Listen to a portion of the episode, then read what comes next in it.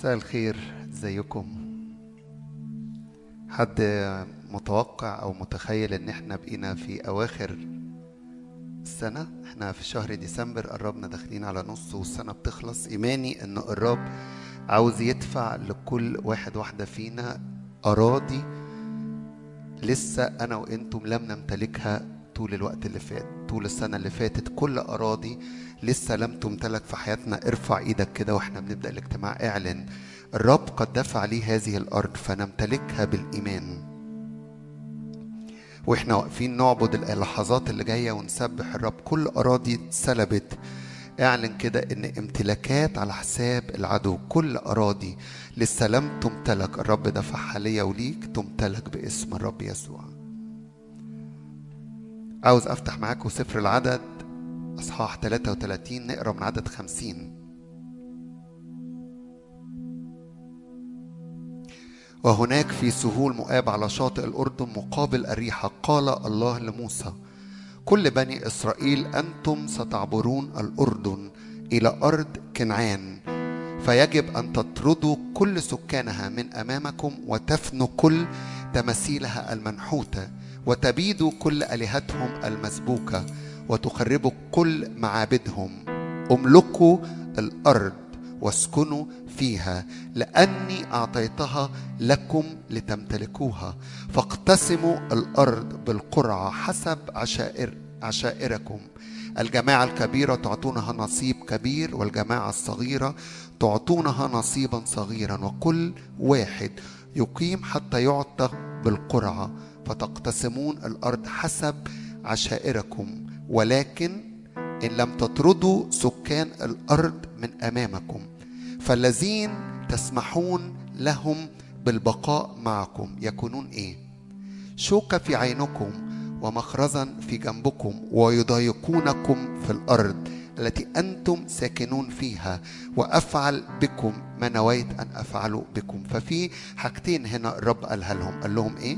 قال لهم امتلكوا الأرض الحاجة الثانية قال لهم اطردوا كل الآلهة اهدموا كل المذابح ولو ما حصلش كده اللي هيستبقوا في الأرض هيعملوا إيه؟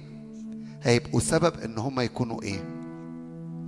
شوكة في عينكم وخرزا في جنبكم. يعني حاجة مزعجة حاجة عاملة ألم حاجة عاملة ضيق حاجة بتسبب ليك وليكي إزعاج طول الوقت. فالأراضي اللي الرب دفعها ليا وليك ينبغي أن تطرد منها كل أمور من العدو. والأراضي اللي أنت لسه لم تضع يدك وتعلن سيادة وملك الرب فيها محتاج تعلن إيمانك إن دي أرض الرب دفعها ليا وليك والأرض دي تمتلك وما يفضلش فيها ظلف للعدو ولا أفكار من عدو الخير ولا عدم إيمان ولا خزي ولا حزن. أطرد كل دي دي كل دي أرواح شريرة أنا وأنتم محتاجين نطرد هذه الأرواح. فتعالوا نقف كده ونعظم الرب ونعلن كده إنه الرب دفع لينا الأراضي. أراضي القوة أراضي الفرح أراضي القداسة. دي أراضي تمتلك دي أراضي دفعت إلينا من الرب. مش مقاصد الرب لولاده إنه يبقوا في ضعف أو في هزيمة لأنه دفع لينا النصرة في المسيح يسوع. دفع لينا الغلبة دفع لينا حياة القداسة.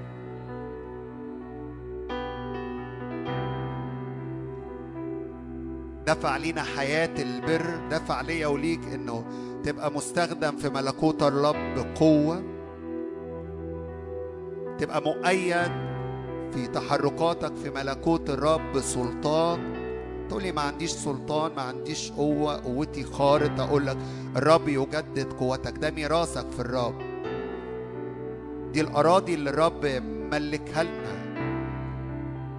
نعم ملكهم أرض كنعان في العهد القديم بتفيض لبن وعسل وده رمز ليا وليك في العهد الجديد لأنه دفع لينا أراضي والرب بيقول لك وبيقول لك كده بقيت أراضي كثيرة للامتلاك اللي لسه لم تمتلكه.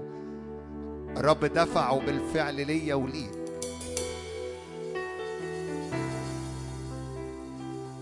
ديك لحظات كده فيها ادخل بإيمان. على حساب النعمة المعطاة ليا وليك.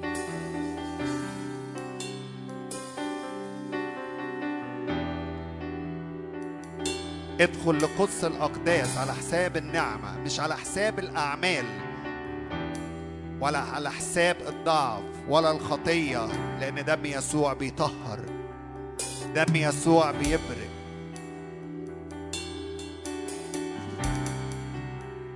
على حساب الدم وعلى حساب النعمة على حساب الفدا.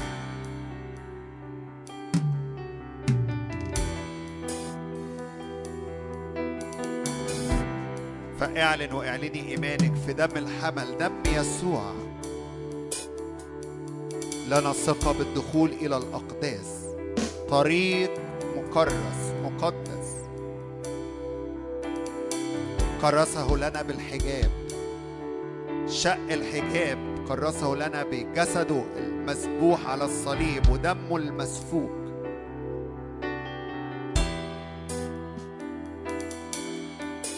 ادخلوا لقدس الأقداس. ادخلوا بدم الحمام. ادخلوا لأعبدك abuda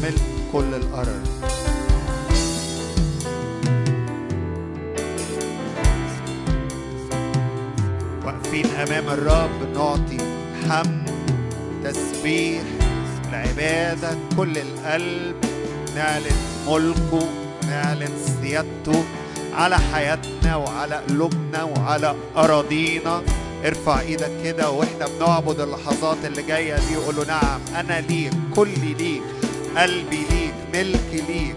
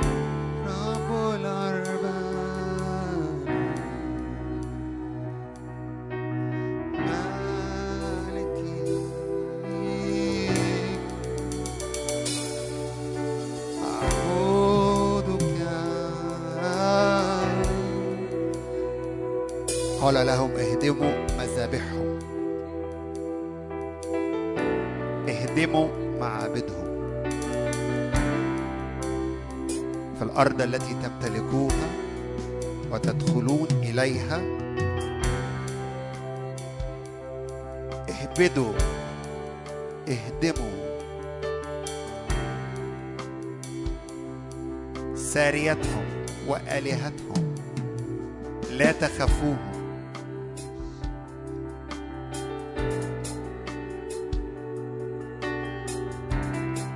لا نستعبد لآخر فقط نحن عبيد الله العلي ارفع إيدك كده واعلن.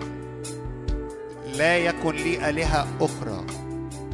لا شيء آخر يتسلط على حياتي. فقط. أنت أيها الرب ملكي وربي والهي وأبي.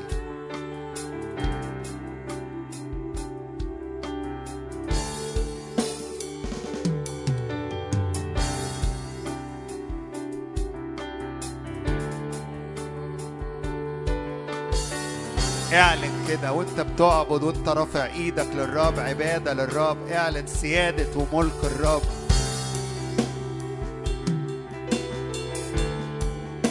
اعلني سيادة وملك الرب على ظروفك على حياتك على بيتك على شغلك على أولادك لا يكن لنا آلهة أخرى لأن ما نعبده وما نطيعه يكون لنا إله. أنتم عبيد للذي تطيعونه. نعم نطيع صوت الرب وكلمة الرب ووصايا الرب.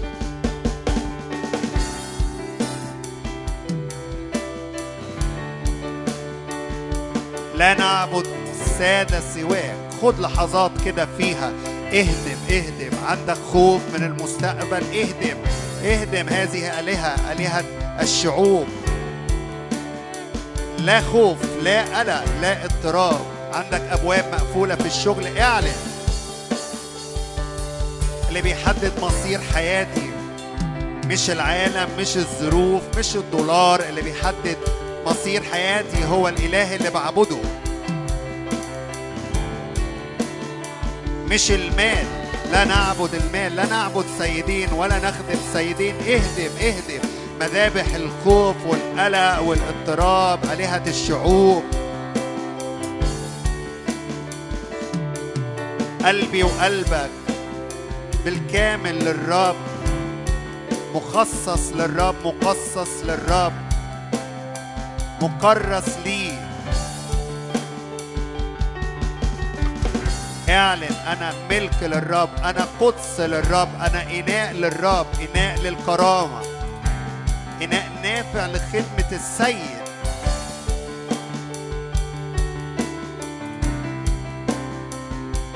بتهدم بتهدم بتهدم. كل مذابح بتهدم. ابني بدلها مسبح إيه المسبح عبادتي وعبادتك قلبي وقلبك اللي للرب مش في فترة تسبيح وعبادة فقط مش اجتماع قلبي وقلبك للرب كلي للرب ارفع صوتك واعلن أنا ملك للرب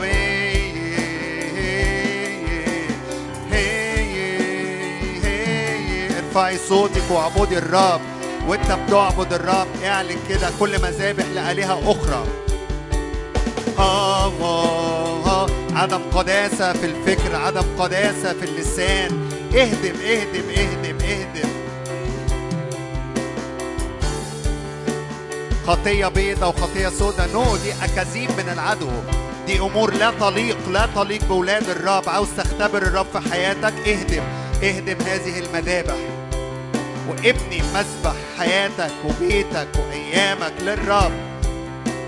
والذبيحة هي قلبي وقلبك حياتي وحياتك. ثمر الشفاء المعترفة بأمانته بصلاحه بقدرته.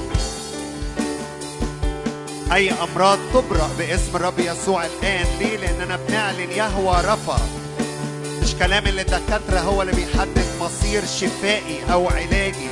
يد الرب القديرة التي تصنع فمجرد إنك تعلن أنا بأثق في الرب. الرب الشافية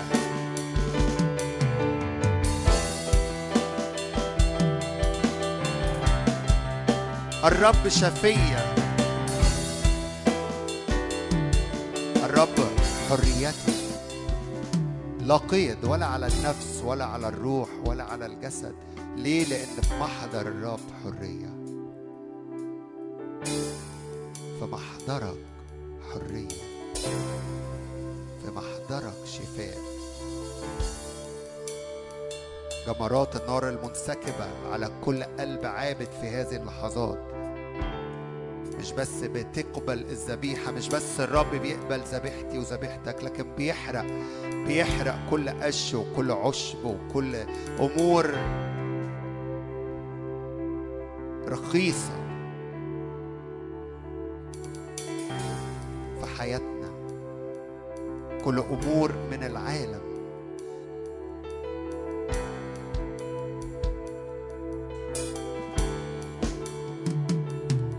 أراضي القداسة تمتلك الآن. أراضي الحرية تمتلك الآن. أراضي الشفاء تمتلك الآن. أراضي الدعوة والاستخدام تمتلك الآن.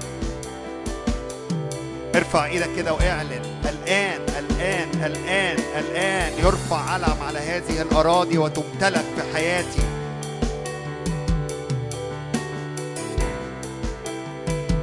لا ينتهي هذا العام. إحنا خلاص بننهي بننهي السنة خلاص. إحنا في أول أسبوع في ديسمبر. اعلن كده قدام العدو. لن ينتهي هذا العام إلا أرفع أعلام على كل أراضي في حياتي إنها قدسية خاصة للرب. وملك للرب قبل ما نكمل عبادتنا وتسبيحنا للرب. اعلن أنا ملكية خاصة.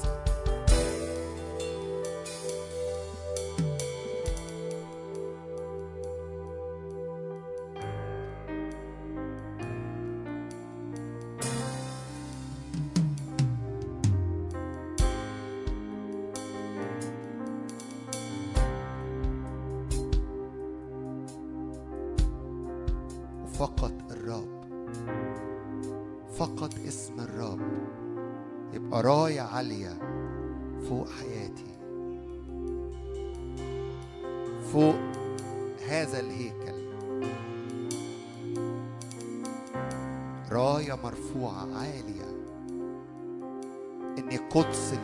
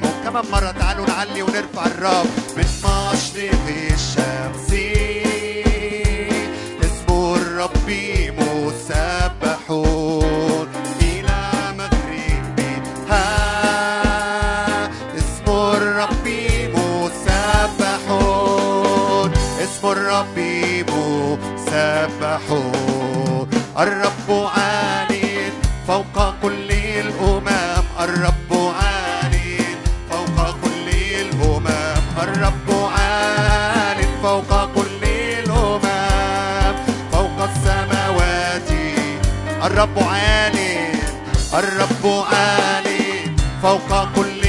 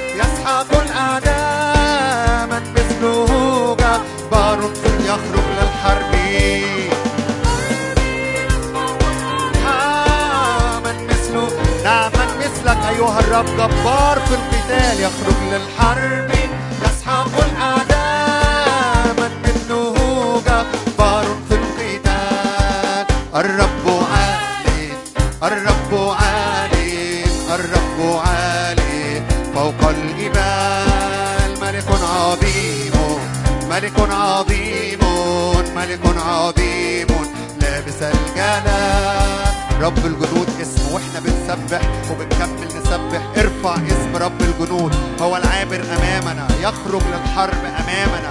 ويهزم أعداءنا باسم الرب يسوع. ويصير أعداءنا خبز لنا. اعلن كده أعداءنا. يصير خبز لنا. هللويا. رب الجنود وسط الحروب عرفت قوتك رب قدير يمحق كل الأعداء. رب الجنود وسط الحروب. عرفت قوتك. رب قدير رب جبار تسحق كل الأعداء.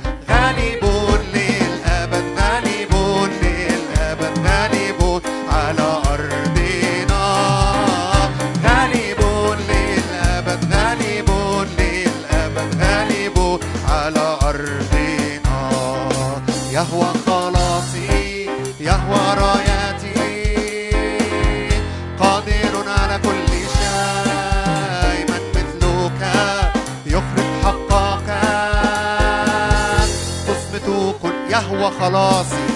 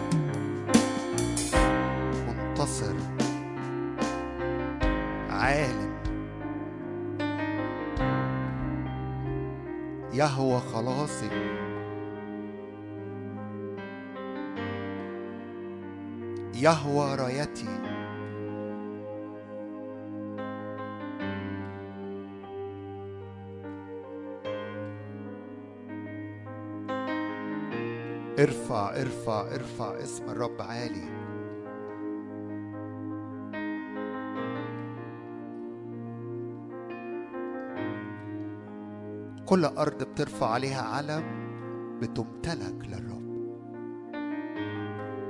فده مش رفعة إيدين ده بال... ده الجسد دي رفعة إيدين. نعبد الرب بالروح وبالحق. فوانت رافع إيدك بالحق ارفعوا أيديكم نحو القدس. ارفع إيدك الروحية واعلن امتلاك أعلام مرفوعة.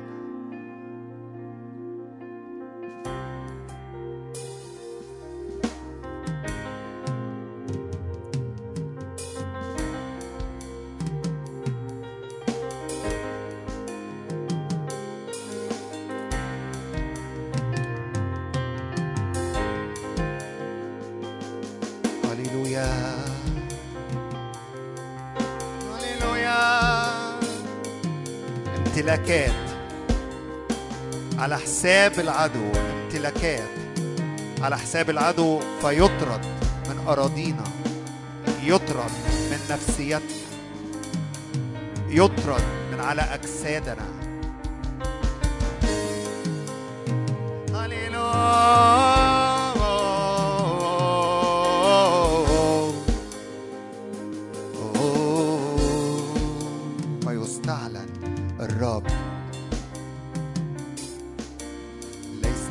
يشابهك ليس من يعادلك ليس من يشابهك.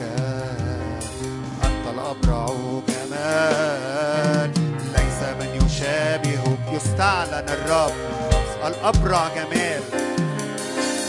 ليس من يشابهك.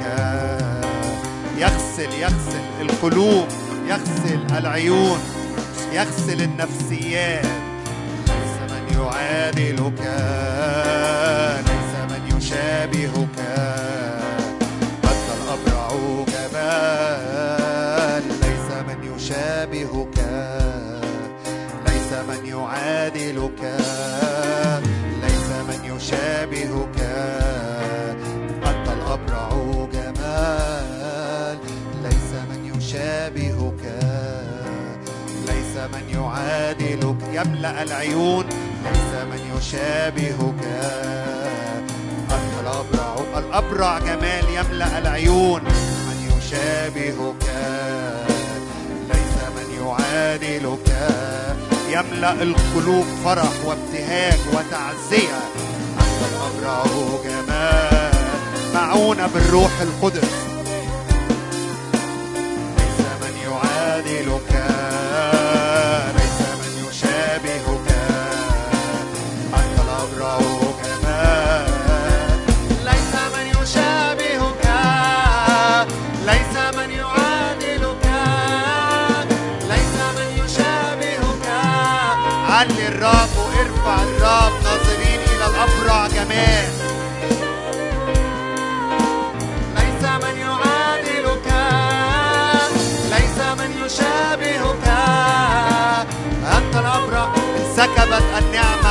شفتيك أيها الرب.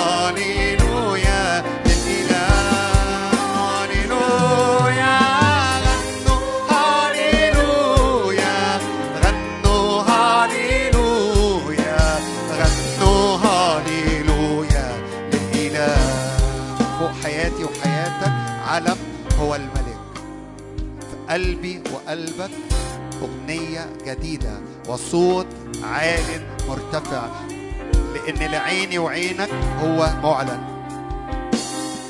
لأن لعيني وعينك هو معلن. فارفع إيدك معايا واعلن كده فوق حياتي هو الملك. في قلبي هو الملك. عينيا الملك ببهاء ومليها.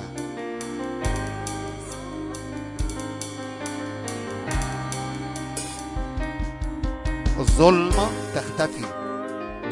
النور يمتلئ.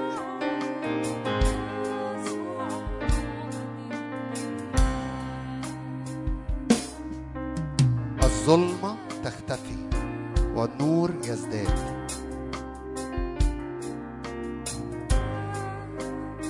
اشراق مجدك اشراق نورك اشراق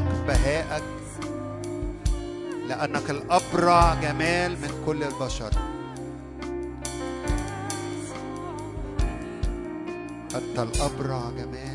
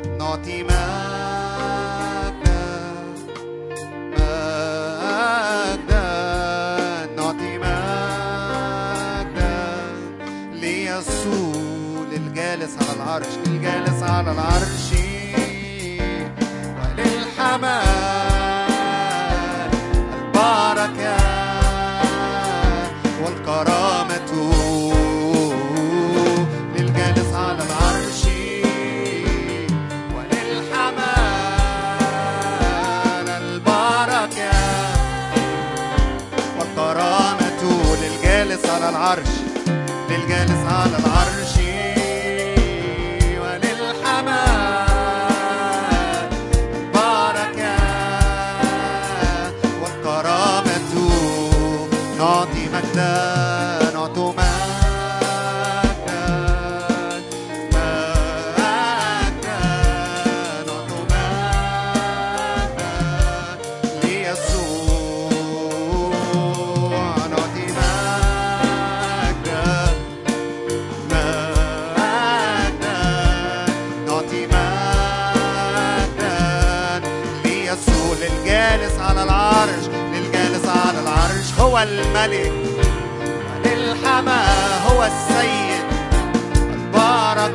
هو الأب هو الكرامة هو الإله اللي بعبده للجالس على العرش.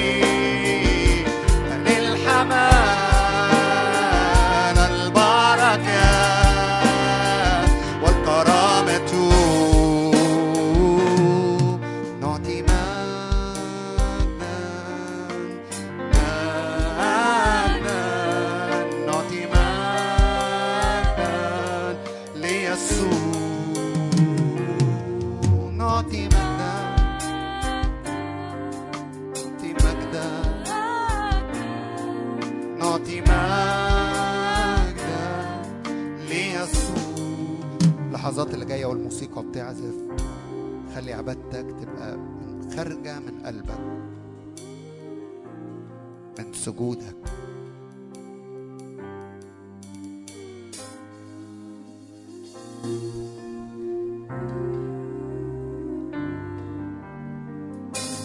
يمكن متعود فقط تعبد الرب رفع إيدك أو بكلمات الترنيمة.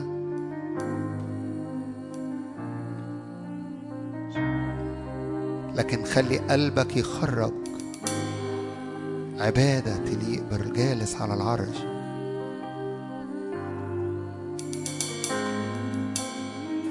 خلي سجودك يعلن إنك أمام الجالس على العرش تسجد وتعبد.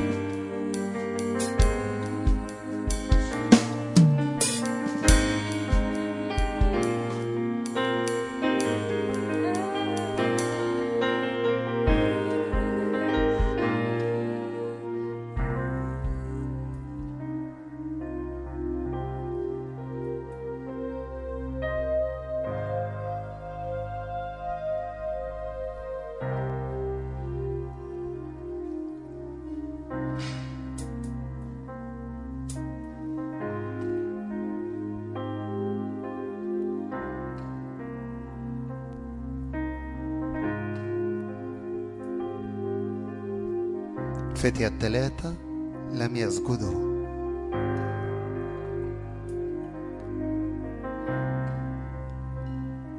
رغم كل الشعب في كل مكان يسجد لآلهة نبوخذ نصر.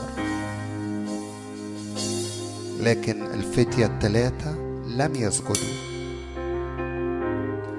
يوسف وضع في قلبه أن لا يتنجس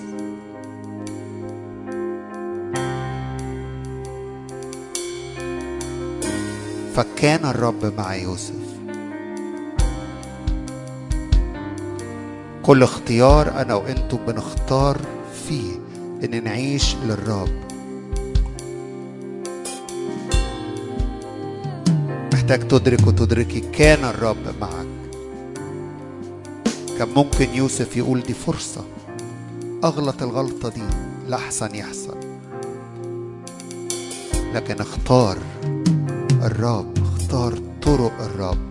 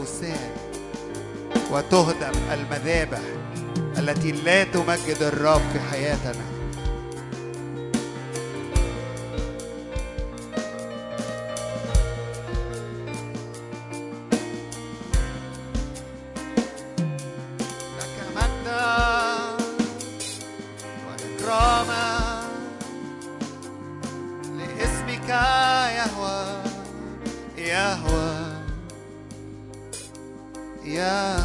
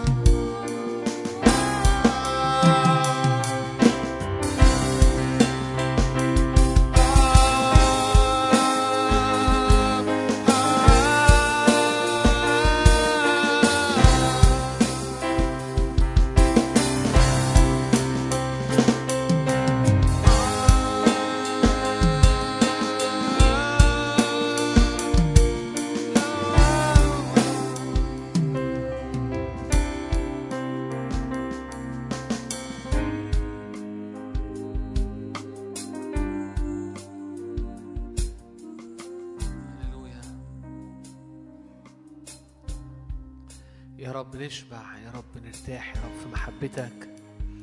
لأنه مكتوب أحببتكم فضلا يقول الرب.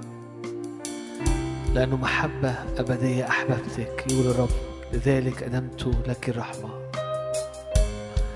بهذا قد عرفنا المحبة أن ذاك وضع نفسه لأجلنا. إذ ونحن بعد خطاة مات المسيح لأجلنا. يا رب نشكرك عشان حبك. يا رب نشكرك لأنه محبتك يا رب كاملة تجاهنا.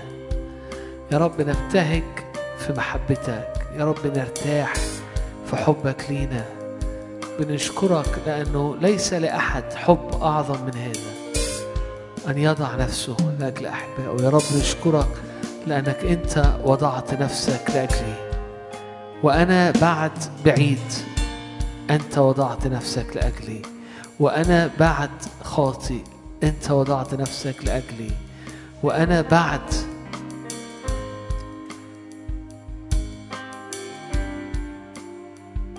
في أسوأ حالاتي أنت بتحبني. يا رب نشكرك. يا رب لأننا يا رب لست مش إن إحنا أحببناك لكن هو أحبنا وبذل نفسه لأجلنا حبك يا رب بيضمنا حبك يا رب بيجذبنا حبك يا رب بيلهب قلوبنا حبك يا رب بيشفي ارتدادنا حبك يا رب بيعالج نفوسنا وبيجبر الكسور اللي جوانا. حبك يا رب حبك حبك. يقول الكتاب الله محبة الله محبة الله محبة. نقدر نستقي ونقدر نثق ونقدر نرتاح في حبه لأنه مياه كثيرة لا تستطيع أن تطفئ محبة الرب لينا. مياه كثيرة لا تستطيع أن تطفئ محبة الرب ليا. أشكرك لأنه محبتك ليا هي خاصة جدا شخصية جدا بيرسونال جدا. عندك القدرة عن إنك بتحب كل واحد تحبني أنا أنا زي ما أنا. تحبني للأبد تحبني فضلا. إديني أدرك العمق والطول والعلو لحبك ليا يا رب؟ لأن حبك أبدي لأن حبك ليا يا رب؟ عظيم جدا. عظيم. عظيم حبك لي يا رب عظيمة محبتك تجاهي. هللويا.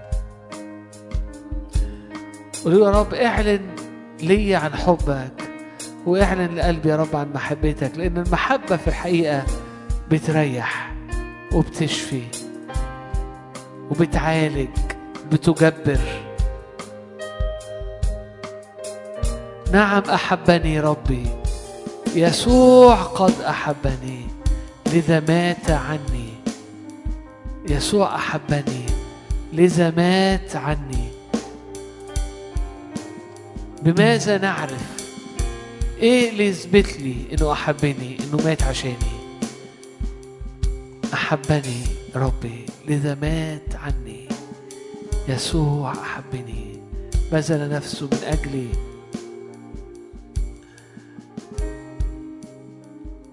يا رب تعالى على حياة كل حد فينا. واغمرنا في حبك فنرتاح.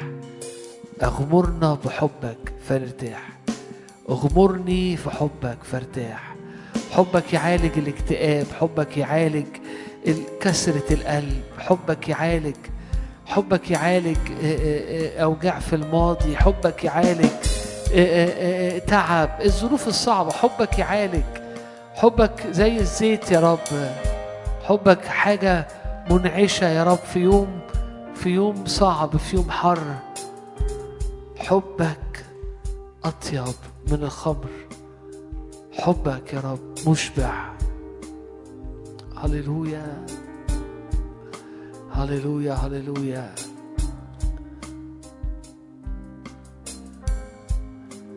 هللويا. هللويا هللويا هللويا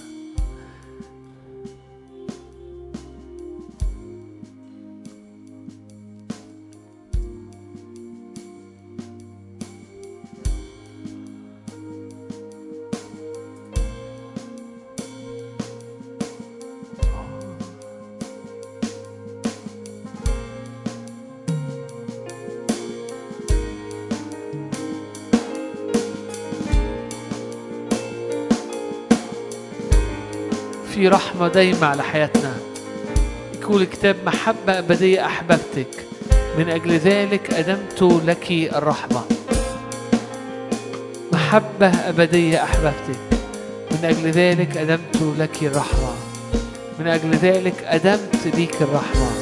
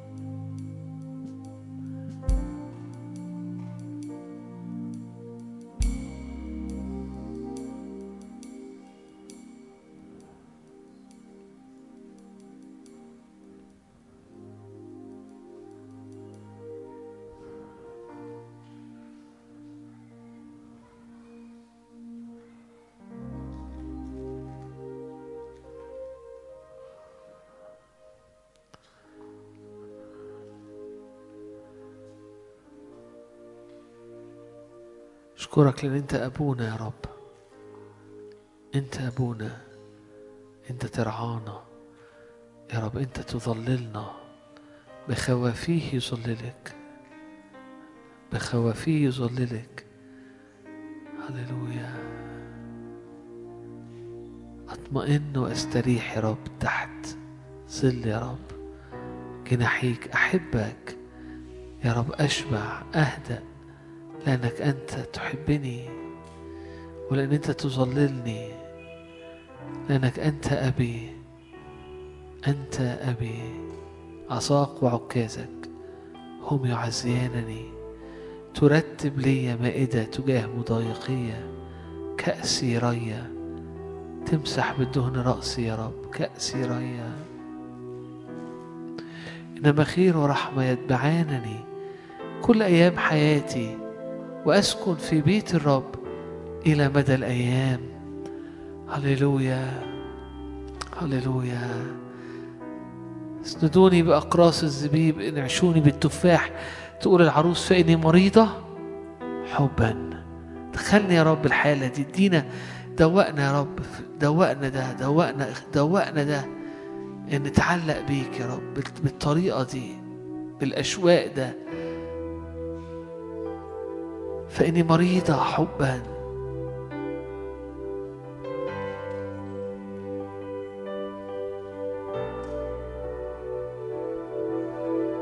أشبع من خير بيتك. أرتوي من نهر نعمتك. أشبع من خير بيتك.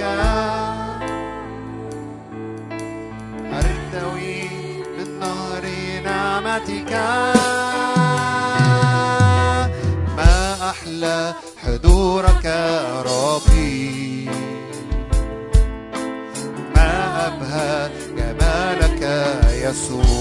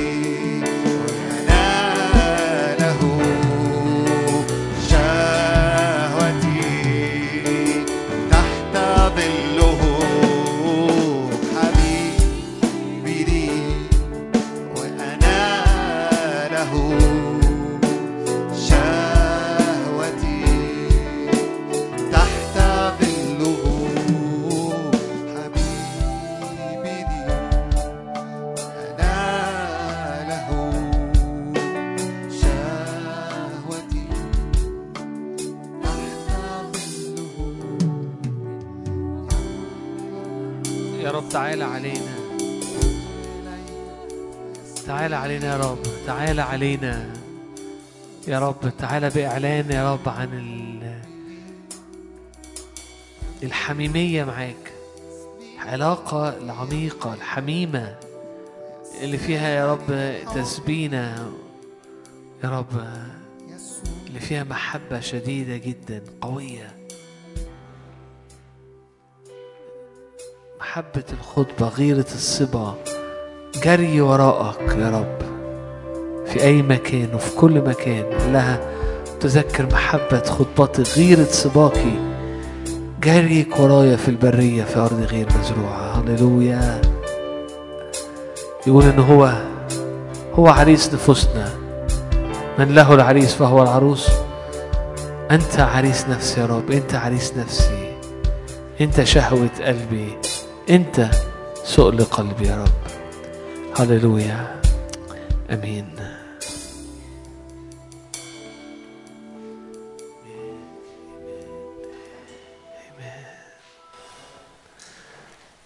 بلس أشرف آه، وحشنا.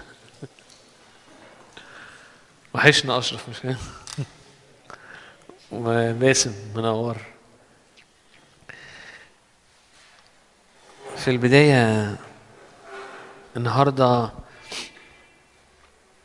عايزين قبل قبل ما أشارك معاكم كلمات قليلة بس نفسي نفسي نرفع قلوبنا كده النهارده. آه نتحد مع جينا آه عشان آه التعزيات من السماء وعشان آه ال ال ال الوقت الجاي والمرحلة الجاية. الكتاب بيقول آه عزيز على الرب موت أتقيائه و ويقول الكتاب إن في كل ضيقهم تضايق وملاك حضرته خلصهم فخلينا نرفع وانتوا قاعدين؟ ارفعوا معايا كده قلوبكم. آه. يا رب إحنا جايين يا رب نصلي يا رب نتحد نقف مع جينا. يا رب آه،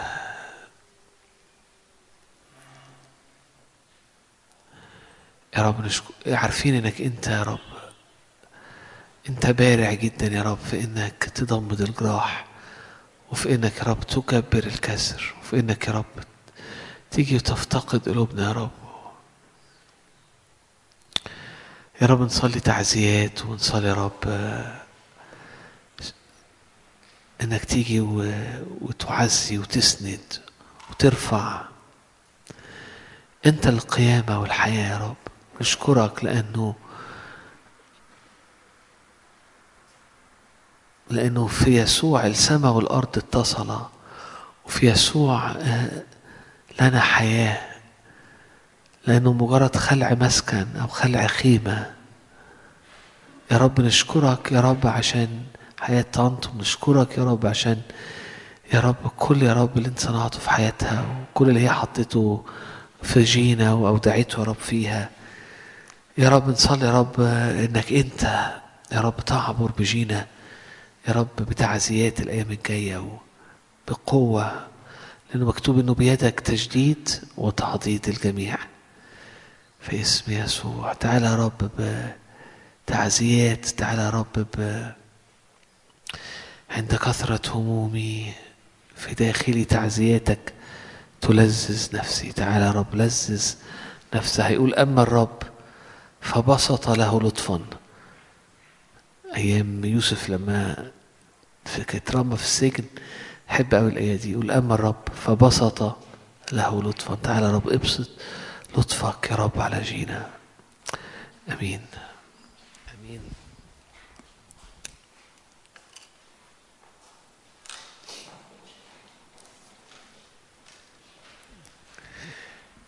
قبل ما أبتدي أنا هحكي معاكم شوية كويسين النهارده. يعني هناخد وقتنا. آه بس قبل قبل ما ابتدي في اللي أنا عايز أتكلم عنه عايز أقول بس حاجة صغيرة كنا بنرنم بيها أو بنصلي بيها هي إنه لما تدرس الكتاب لما فكر الله لينا تكتشف إنه دعوة الرب لحياتنا على الأرض هي علاقة قريبة حميمة مع حبيب فيها شبع فيها متعة غير عادية. عشان كده لما الرسول بولس اتكلم حتى على الجواز راح قال لك ده ده ده قال لك أنا وابتدى فجأة ينقل ويتكلم عن سر. وقالوا إن السر ده هو هو السر هو في الحقيقة هو سر العلاقة بين المسيح والكنيسة. وإنه كل كل كل الجواز من أول ما الرب صنع خلق أو جبل الرب آدم وبعد كده جاب له حواء كل ده كل الجوازات عبر التاريخ كل العلاقة دي كلها هي هي مجرد ظلال. ظل ظل الحاجة حقيقية جدا. هي علاقة الم... الرب يسوع المسيح بالكنيسة أو بكل واحد فينا. وإنه إحنا فاهمين كويس قوي يعني إيه حب يعني إيه جواز يعني إيه قرب يعني إيه. لكن يقول لك ده ده كله ظلال ده كله ظل. لحقيقة أعمق وأعظم وأكثر متعة وأكثر عمق. هي العلاقة اللي ممكن تكون بين الرب الروح أو بين يسوع المسيح وبين بيني وبينك أنت والرب. فالعلاقة مع الرب وده حاجة بنكبر فيها فيها من الأعماق فيها من ال... هي شخصية جدا فهو عريس نفوسنا نفس كل واحد فينا عريس نفسي عريس نفسك. فهي حاجة شخصية جدا وهي حاجة عميقة جدا وهي حاجة محسوسة وملموسة ومشبعة. وعشان كده نشيد الأنشاد مش سفر غريب أو كتاب غريب محطوط في الإنجيل حاجة كده ما تعرفش تفك طلاسمها لكن في الحقيقة النشيد الأنشاد بي بيتكلم عن مقاصد الرب إنه إنه من منذ الأزل منذ الخلق منذ فكر من البداية خالص خالص خالص. لذة الرب معايا لذة الرب مع بني آدم. والعلاقة اللي قصدها ما كانتش علاقة بس أب بأباء أبناء ده بعد. ما كانتش بس علاقة فيها إحنا معاملون مع الرب.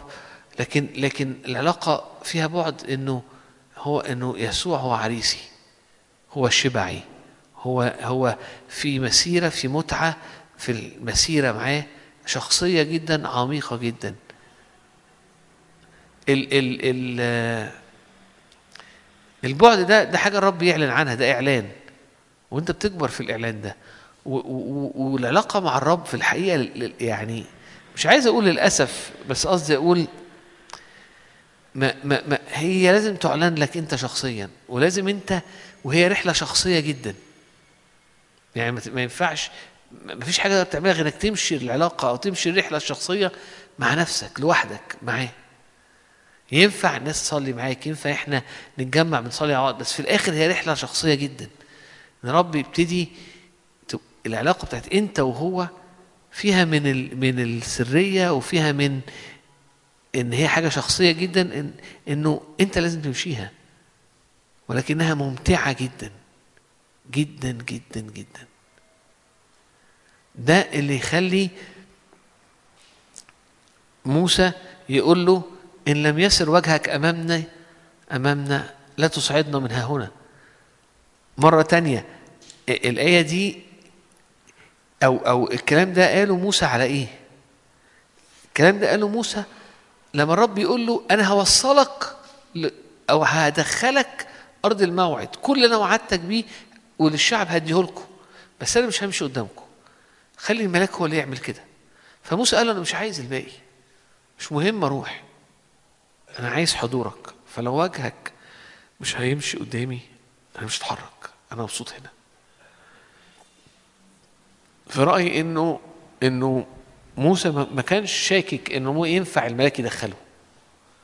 لكن موسى ما كانش لكن أصبح العلاقة والحضرة الإلهية حضور الرب الحضرة الإلهية غالية قوي عنده مشبعة قوي ليه؟ فهو في الحقيقة بقى هو ده الهدف وبقى هو ده المتعة. أصبحت الحضرة الإلهية حضور الرب الملموس المحسوس في حياة موسى. شيء مشبع جدا خاص جدا عميق جدا لدرجة إنه أرض الموعد بكل مواعيدها بقت ثانوية بالنسبة لموسى.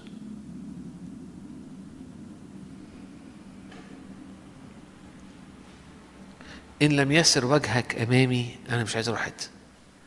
ليه؟ لأنه كان الرب يتكلم مع موسى وجها لوجه. كصح كما يكلم الإنسان صاحبه. يعني بمعنى إنه و- وموسى وجد كل الشبع في الحتة دي. لحد هنا شكلها الله حلو ليه بس اللي عايز أقوله لك إنه ينفع ده يكون اختبارنا. ينفع دي تكون عيشتنا. فيوصل إنه أنت غير الكون اللي إحنا عايشين فيه غير الظروف غير الأحداث غير الدنيا غير كل اللي أنت حاسس بيه كل حاجة تانية في ناحية أو أو في كفة و- ويصبح بعد كده في حضور قوي في حياتك يوصل معاك إنه هو ده متعة الحياة وهو ده شبع الحياة وهو ده أهم حاجة في حياتك. مش عشان توصل لحتة مش عشان الح- الحضور ده ياخدك لإنجاز معين أو لتحقيق وعد معين لكن وجه الرب حضور الرب حضرة الرب بقت حاجة أو بتصير حاجة الحب كله والشبع كله والمتعة كلها. ممكن ترجع تاني وتبتدي تقرأ أصفار معينة اقرأ نشيد الأنشاد اقرأ اقرأ حياة آه، موسى اقرأ هتكتشف إنك لما تبص عليها من الناحية دي آه كانت موجودة. إنه رجال الله كانوا وصلوا لحتة عايزين الحضور عايزين الحضور ده عايزين الحضرة دي مش عايزين حاجة تانية. ف بس ف... فعايز أشجعكم إنه نشوف الحياة أو أو أو نحاول نبص أو نطلب الرب عشان الحياة تبقى شايفينها من المنظور ده. إحنا بنشوف الحياة من منظور حاجات اللي إحنا النهارده بنحبها الحاجات اللي إحنا النهارده عايزينها الحاجات اللي إحنا النهارده محتاجينها.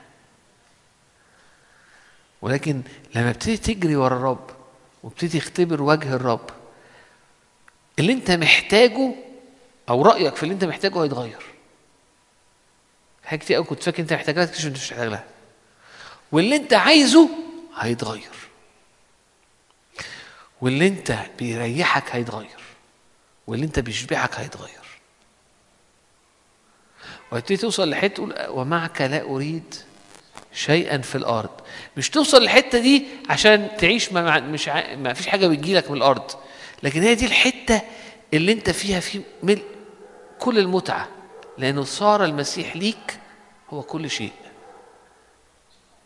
وهناك بتفضل عايش بتفضل بتشتغل بتفضل بتنجز بتفضل بتفرح بحاجات كتيرة لكن أصبح الملكوت هو سؤل القلب كله. فاكرين لما يسوع اطلبوا اولا؟ اولا اولا كنت زمان بفتكرها اولا يعني أول حاجة. بص أول حاجة كده أهو اطلب الملكوت. وبعد كده حاجات تانية هتجيلك. اكتشفت إنه إنه اولا مش دايما معناها كده. لكن اولا يعني ساعات تيجي برأسا رأس. يعني يكون رأس الكلام رأس الحاجة البرايمري الحاجة اللي هي مالية الدنيا. هي طلبك للملكوت. كل حاجة تانية تبقى ثانوية.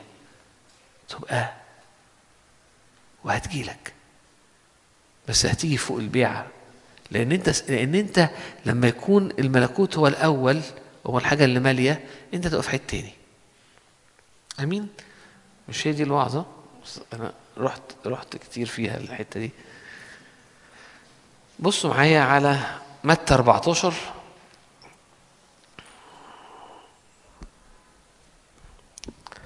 جيل متى إصحاح 14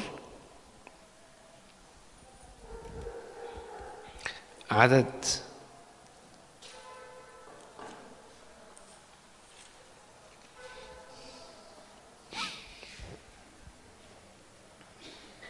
ثلاثة وعشرين يقول وبعدما صرف الجموع يسوع صرف الجموع صعد إلى الجبل منفردا ليصلي ولما صار المساء كان هناك وحده. وأما السفينة لأن يسوع كان ألزم تلاميذه أن يسبقوه. الآية آية 22 للوقت ألزم يسوع تلاميذه أن يدخلوا السفينة ويسبقوه إلى العبر حتى يصرف الجموع. معلش 23 بعدما صرف الجموع صعد إلى الجبل منفردا ليصلي ولما صار المساء كان هناك وحده.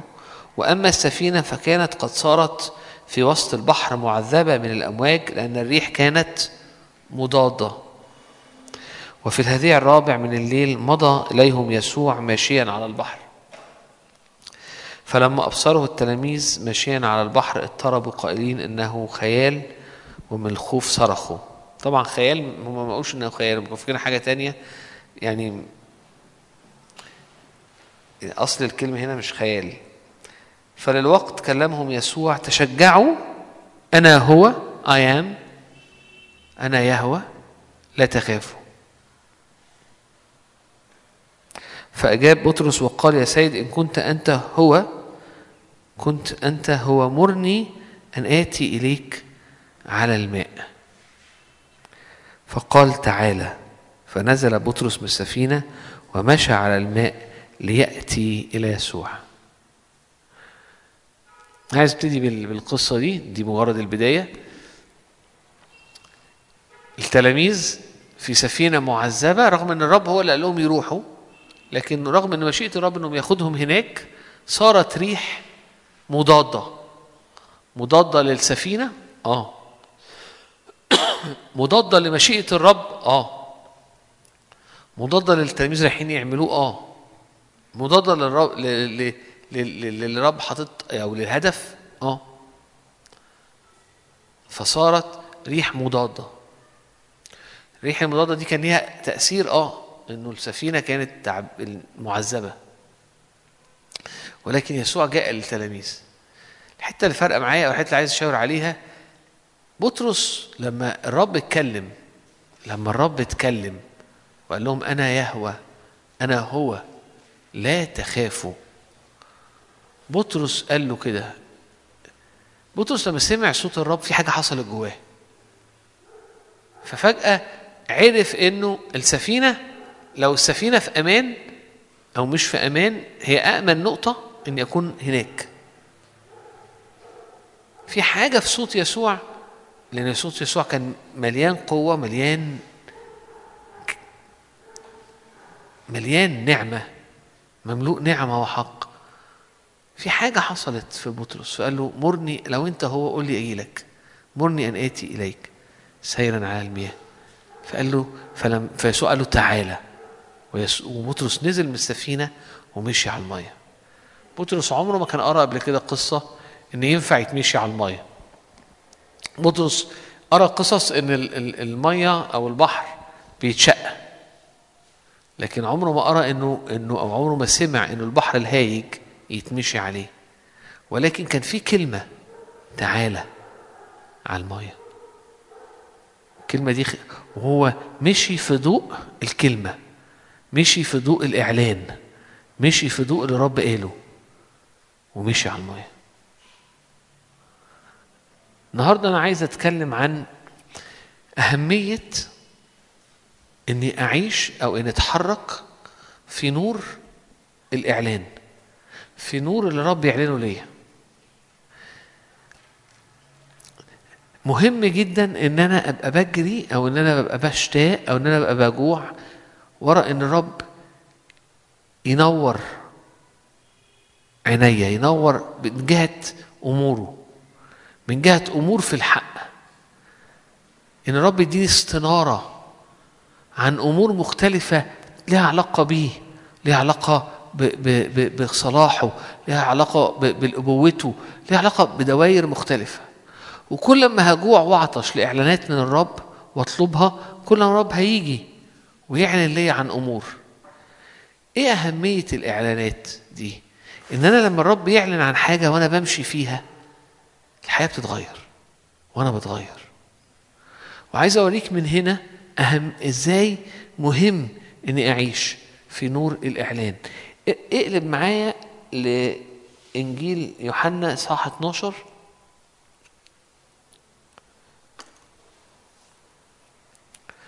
وعدد 35 إصحاح 12 إيه اللي حصل فيه؟ كان يسوع خلاص أقام لعازر. وبعد لما أقام لعازر كان فاضل ست أيام على الفصح فيسوع راح بيت عنيا. وكان لعازر الميت اللي أقامه هناك وكانوا عاملين عشاء. فالمدينة كلها والدنيا كلها رايحة ورا يسوع. ليه؟ لأنه أقام الميت. عايزين يشوفوا لعازر ويشوفوا الدنيا يشوفوا المات وقام. وحصلت أحاديث كتيرة. إحدى الأحاديث إن يسوع ابتدى يكلمهم إنه هيرتفع إلى السماء. فاليهود ابتدوا يقولوا له إنه إحنا عرفنا على 24 نحن سمعنا من ناموس أن المسيح يبقى إلى الأبد. فكيف تقول أنت إنه ينبغي أن يرتفع ابن الإنسان؟ عدد 25 35 قال لهم يسوع النور معكم زمانا قليلا بعد. فصيروا ما دام لكم نور. لئلا يدرككم الظلام.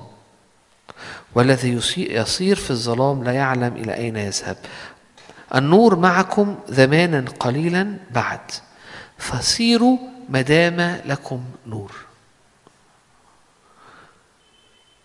إيه اللي عايز اتكلم عنه؟ يسوع كان نور الإعلان مش كده؟ يسوع كان هو الإعلان. يقول لك كان النور الحقيقي الذي ينير كل إنسان اتيا إلى العالم. فيسوع هو النور الحقيقي. يسوع بيتكلم عن نفسه. فبيقول لهم أنا النور فيا كل الإعلان. أنا موجود. ابتدوا امشوا في نور إعلاني. امشوا في نور اللي أنا بعلنه. أنا عمال أعلن عن أمور. أنا النور. امشوا في نوري. ما دام النور معاكم.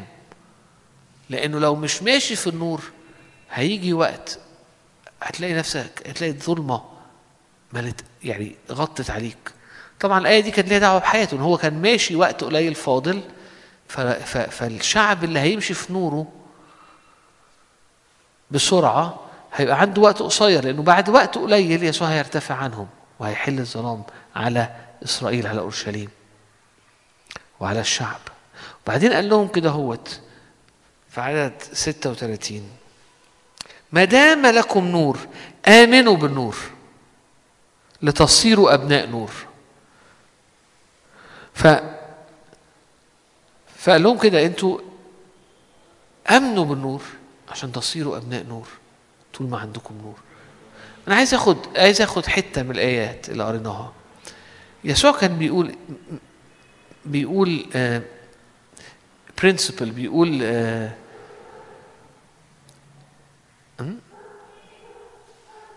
آه يسوع بيعلم مبدأ في مبدأ هنا في برنسبل هنا إيه؟ إنه إنه في إعلان في نور. وأنا مدعو دايما ان ان إن لما يجي نور على حياتي في حتة أسير في هذا النور. أمشي في النور ده. أمشي في نور الإعلان ده. طب لو ما مشيتش في نور الإعلان ده هتيجي عليا ظلمة في الدايرة دي. مرة تانية. أنا مدعو أنا في نور بيجي على حياتي في إعلان بيجي مع نور. أنا مدعو إن أنا أمشي في نور الإعلان ده. لما ما بمشيش في نور الإعلان ده بيحصل إيه؟ بيبقى في ظلمة. والظلمة إيه اللي بيحصل فيها؟ في توهان. في توهان. تقول لي يعني إيه أقول لك يعني إيه اللي يعني إيه إيه المعنى؟ إيه إيه اللي أنت بتحاول تقوله؟ الرب وإحنا كمؤمنين الرب يجي يعلن عن أمور عن نفسه. يعلن عن أمور عن حقه. وأنا بفهمها وبقبلها. عندي حل إن أنا أو عندي اختيار إن أنا على ضوء الإعلان اللي الرب اداهوني أبتدي أمشي. أمشي حياتي. أبتدي أصير حياتي في ضوء اللي الرب أعلنه ليا. وأغير الطريقة اللي أنا كنت عايش بيها أو الطريقة اللي كنت ببص بيها أو الطريقة اللي كنت في الدايرة دي. جد عايز أسميها جددت ذهني على نور ضوء الإعلان آآ آآ غيرت طريقة حياتي. وات- زي ما أنت عايز. بص بصير زمان غربتي بطريقة مختلفة ايا كان.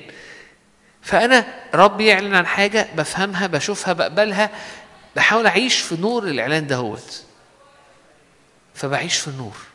طب لو الرب أعلن وأنا ما مشيتش في ده ما غيرتش ده إيه اللي بيحصل؟ يقول لك مع الوقت تيجي في الدايرة دي ظلمة. تخشاني الظلمة في الدايرة دي.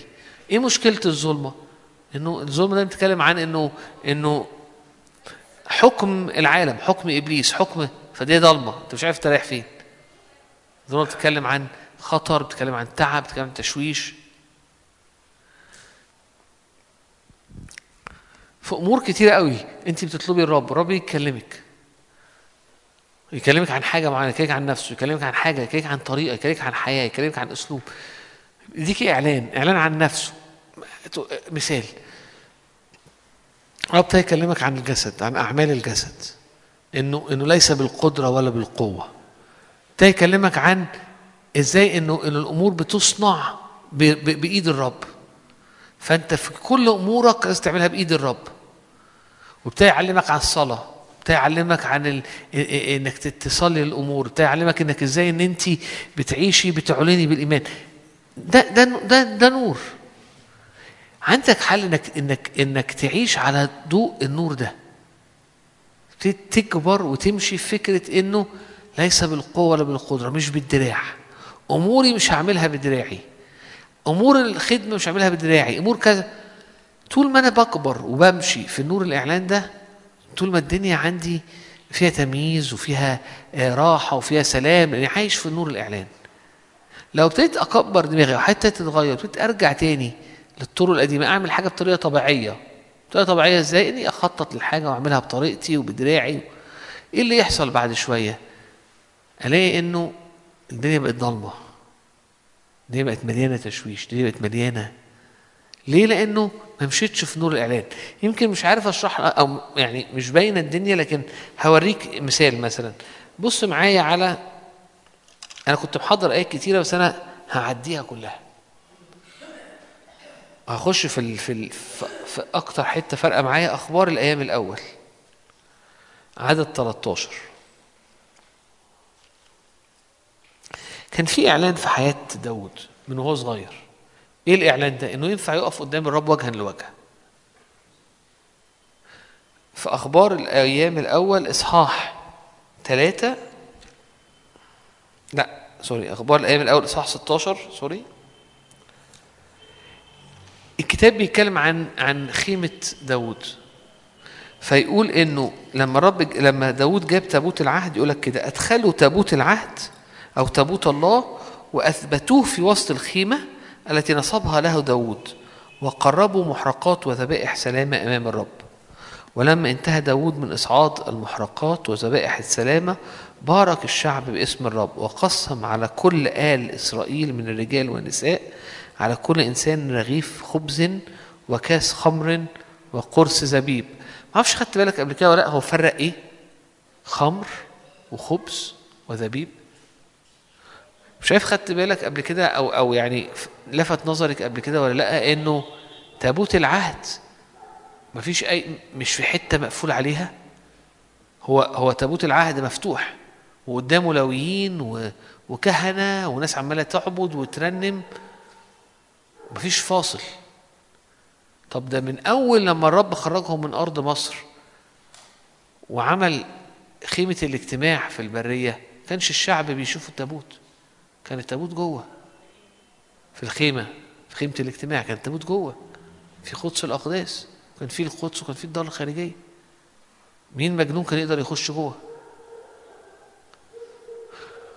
وحتى في حتى في الهيكل اللي بعد كده اتبنى وكان معد ليه آه، آه، آه، داوود اللي بناه سليمان كان نفس القصة. وهيكل وفي حسقيال طب إيه ده؟ إيه الهيكل الغريب ده؟ أو إيه الخيمة الغريبة دي؟ دي خيمة كانت تخش من الباب تلاقي التابوت في آخر الخيمة شايفها. وتخش تعبد. وجها لوجه. ده, ده مش عهد قديم. كل معظم المفسرين يقول لك ده ال- الح- ال- القصة دي دي دي دي عهد جديد. دي دي دي كأنك كده هو فجاه حتة كده قصة في العهد القديم منقولة من إعلان عهد جديد. حتة حتة مش حتة ما تتفسرش من غير ونحن جميعا ناظرين مجد الرب وجه مكشوف. نتغير إلى تلك الصورة عينها من مجد إلى مجد. كامل رب الروح هو من يعني من مجد المجد إيه اللويين و- اللي قاعدين قدام التابوت دول؟ مش رئيس الكهنة بس بيخش. لا قال لك اللويين كلهم واقفين. الناس بتعزف قدام تابوت الرب. طبعا لما تقرأ القصة تفهم إن قبليها كمان لما جم نقلوا التابوت بطريقة مش بحسب فكر الرب اللي لمس تابوت مات. اللي لمس التابوت مات. صح اللي قبليها. وداود خاف في وقت ورجع لورا وقرر إنه هيسيب التابوت شوية. وبعد كده رجع قال لك إحنا ما حركناش التابوت بحسب الإعلان. إحنا حركنا التابوت بحسب فكره عادية. لأن الإعلان بيقول إنه ال- ال- ال- اللاويين يحملوه على أكتافهم بطريقة معينة. وحركوا بس حركوا وحطوا في حتة قدام كل الناس حتة مفتوحة خيمة مفتوحة. القصة دي بتتكلم مثالها بتتكلم عن إيه؟ بتتكلم أو أو أو بتعلن إيه؟ إعلان عهد جديد إنه آه ونحن جميعا ناظرين مجد الرب كان مكشوف لأنه في التابوت كان فيه الشكينة أو السكنة أو المجد. ف... فهنا كان في إعلان ملوش دعوة بالزمن. إعلان عن العهد الجديد إعلان على يسوع يعمله إعلان ينفع الإنسان يبقى وجها لوجه مع الله. داود الإعلان ده ما جالوش ما كانش أنا ما جالوش النهارده أو ما جالوش يومها أو قبلها بشوية. داود من أول القصة من أول ما عرفنا داود عرفنا شخص بيعبد في قدس الأقداس بيعبد للرب وجها لوجه. وده اللي كان خلى داود في كل حاجة غير عادي. كل مزاميره مزامير مليانة إعلانات من فوق مليانة أمور من السماء. كأن السماء مفتوحة على الأرض. كأنك بتتكلم عن عهد جديد. وفي تعامله مع تابوت العهد أو تابوت الله عمل حاجة مجنونة بالنسبة للزمن ده. ده حاطط تابوت في خيمة حواليها عبادة بتقدم لها ذبايح شكر حتى ما فيش ذبيحة خطية. يعني زمان كانوا عشان يخشوا يذبحوا ذبايح خطية وذبايح. ما فيش ما فيش فاكرين مرة اتكلمنا على إنجيل يوحنا هنا اتكلمنا عن آه، العرس آه، قانا وإزاي إنه المية المتحولة للخمر كانت بتتكلم عن تغيير في العهد ما بين العهد القديم اللي بيركز على الخطية إلى العهد الجديد اللي بيتكلم على حركة الروح الخمر.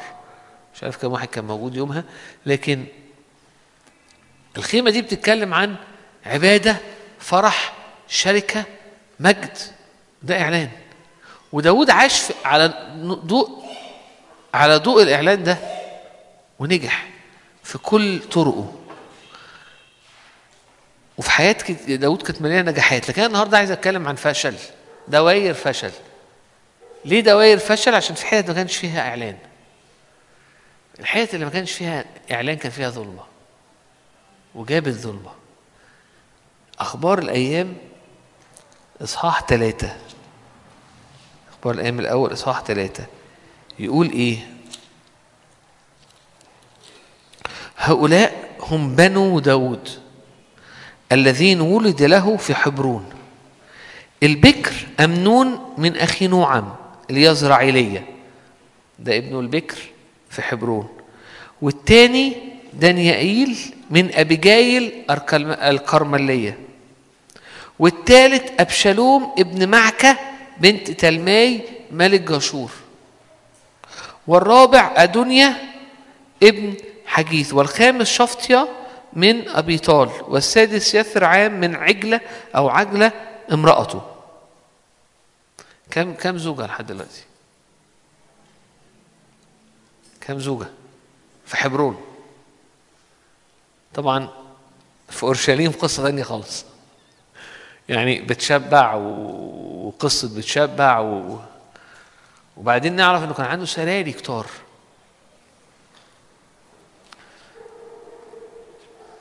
تقول لي آه في العهد القديم كان في ده. أقول لك آه بس في ناس كان عندها إعلان مختلف. لأن لما سألوا يسوع قال لهم إنه كان في إعلان حصل مع الخلق إنه آدم وحواء ذكرا وأنثى ذلك يترك الرجل أباه وأمه ويلتصق بامرأته. ففي إعلان انه إنه الرجل لامرأة. إعلان عهد قديم. فضل موجود في كل ولاد آدم لحد لما ابن قايين مش فاكر كان مين فيهم اللي كتاب كاتبها ابن قايين فلان ابن قايين فلان لحد لما جه الواحد فيهم تاكل السادس أو حاجة كده هوت قال آه ده اتجوز اتنين. أول واحد كسر الإعلان ده. ومشيت. هل كان ينفع داود يستقبل إعلان في الدوائر دي؟ ويعيش بإعلان في الدوائر؟ آه كان ينفع. طب كمية الجوازات دي والعلاقات دي البيت كان عامل إزاي؟ كان صعب. تقولي لا مش مش ده السبب. البيت كان صعب عشان لما هو عمل خطية فالصيف أقول لك طب سليمان ابنه اتجوز كام واحد؟ طب هو ده مش تكملة للظلام؟ يعني لو كان في إعلان بتاع لقصد الرب في الدايرة دي تفتكر كانت حياة سليمان بقت عاملة إزاي؟ كانت اختلفت. اللي عايز أقوله إيه؟ داود استقبل إعلان غير عادي عن العبادة وجها لوجه في دايرة. والإعلان ده هو مشي فيه فكانت حياته منورة في دوائر كتيرة قوي بسبب الحتة دي. الراجل العظيم ده القوي ده اللي اللي اللي, اللي كان بياخد تفاصيل اللي رب اداله تفاصيل قيمه الاجتماع حتة حتة. اللي لا كان بيخرج على أعدائه كان بيقعد قدام الرب فيقول له اطلع كده يقول لك لا. المرة دي ما تطلعش بالطريقة دي استنى وهتسمع صوت صوت صوت حاجة معدية مش حاجة أرضية.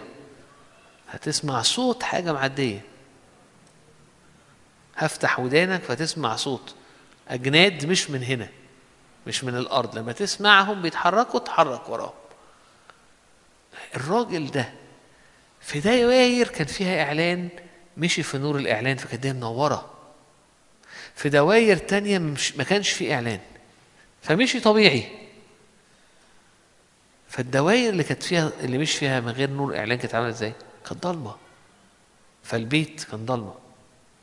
حتى حتى سليمان في مجده وفي كل اللي, اللي اتحرك فيه كان في حتة بايظة. علاقاته زوجاته ويقول الكتاب كان إن أكثر زوجات فأملنا زوجاته قلبه. فبطل يطلع لهيكل الرب كان بيروح وبنى بنى بنى بنى بنى هياكل أخرى وبنى مذابح أخرى وكان بيطلع مذابح دي وبيروح الأماكن دي وحياته إنه وقعت في بسبب دايرة معينة ليه؟ لأنه في الحتة دي ما كانش في إعلان ليه ليه أطلب الرب؟ ليه أطلب دايما إعلان الرب في كل دوائر حياتي؟ يعني إيه؟ أنا عايز الرب وعايز أفهم عن الرب أكتر وعايز الرب يعلن لي أكتر وأمشي ورا كل نور ورا كل إعلان لأنه في نور الرب في رحب في رحب. لأنه لأنه زي ما قال لهم كده هوت قال لهم قال, له قال لهم كده قال لهم النور معكم زمان يسير سيروا في النور. سيروا امشوا في النور walk in the light. لئلا يأتي الظلام عليكم. walk in the light امشي في النور. في نور نور إيه؟ نور إعلاني. نوري. وده ودي كانت الرسالة الصغيرة اللي كانت جوايا إنه هتقولي آه أنا بقعد مع بس آه يعني حاسس الدنيا مش عارف. لا لو حاسس إنك مش جعان لو حاسس إنك مش عطشان للرب اقعد واطلب الرب واطلب جوع واطلب عطش. قول يا رب تعالى بإعلان جديد. تعالى بإعلان جديد لأنه في نور وجه الملك حياة. إعلانك ونورك حياة. في كل دايرة في كل دايرة. أنا عايز نور في كل دايرة. يعني يعني داود كان غير عادي ولسه كان في دوائر ينفع فيها نور لسه كان في دوائر ينفع فيها نور. الرب غير عادي غير محدود فأنت محتاج دايما لنور الرب محتاج دايما لإعلانات من الرب. الرب يعلن لك عن حاجة يوريك أمور تمشي فيها. تدرب نفسك إنك تعيش بالطريقة دي إنك تشوف الأمور بطريقته إنك تعيش في نور وجهه. لما بعيش بالطريقة دي الدواير دي بتبقى في مليانة ملكوت مليانة آه، فرح سلام مليانة بر مليانة آه، اتساع. لما بعيش أنا مؤمن الرب بيكلمني في كام حاجة بس مركز على ثلاث أربع نقط. والحياة بقت إيه؟ نمطية أو بقت روتينية. بيفضل في نقط كتيرة جدا النور قليل فيها. وأنا أو أنا مش ماشي في ما عنديش ما عنديش نور في الناحية دي. ما عنديش نور من ناحية ال- ال- التربية ما عنديش نور من ناحية الشغل ما عنديش نور من ناحية الملكوت في الشغل أنا ما عنديش نور من ناحية مقاصد الرب لحياتي اليومية. ما عنديش نور من ناحية ايا كان. حط حط الدايره اللي أنت عايزها. بيحصل إن الدوائر دي بتبقى ضلمة. ويسوع قال لهم كده قال لهم سيروا في النور عشان ما يبقاش ليه ضلمة. داود كان غير عادي رائع ولكن كان في دواير ما فيهاش إعلان ما فيهاش نور. فإيه؟ كان زيه زي بقية الناس في الدوائر دي. في دوائر تانية استقبل من رب إعلان وداس في الإعلان أو مشي في الإعلان مشي على في النور ده مشي في, في اللي الرب أعلنه ليه. فعاش عاش في الدوائر دي اختبر أمور غير عادية. اللي أنا بحاول أقول لك إيه؟ اطلب الرب في كل دايرة. اطلب الرب في كل أمر. اطلب الرب في كل ح... في كل تفصيلة. قول يا رب أنا عايز نور أنا عايز إعلان ورا إعلان ورا إعلان ورا إعلان.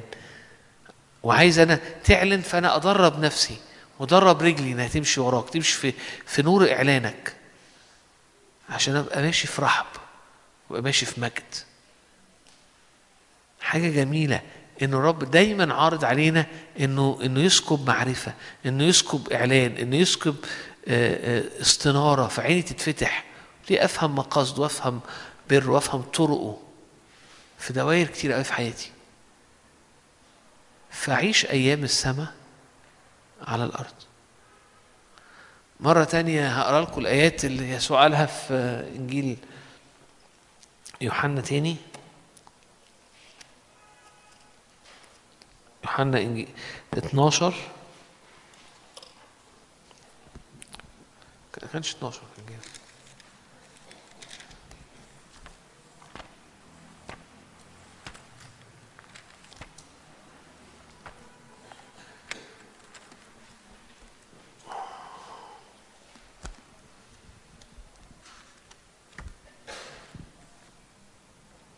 كان يوحنا كام؟ أنا كام؟ 12 أوكي. آه صح.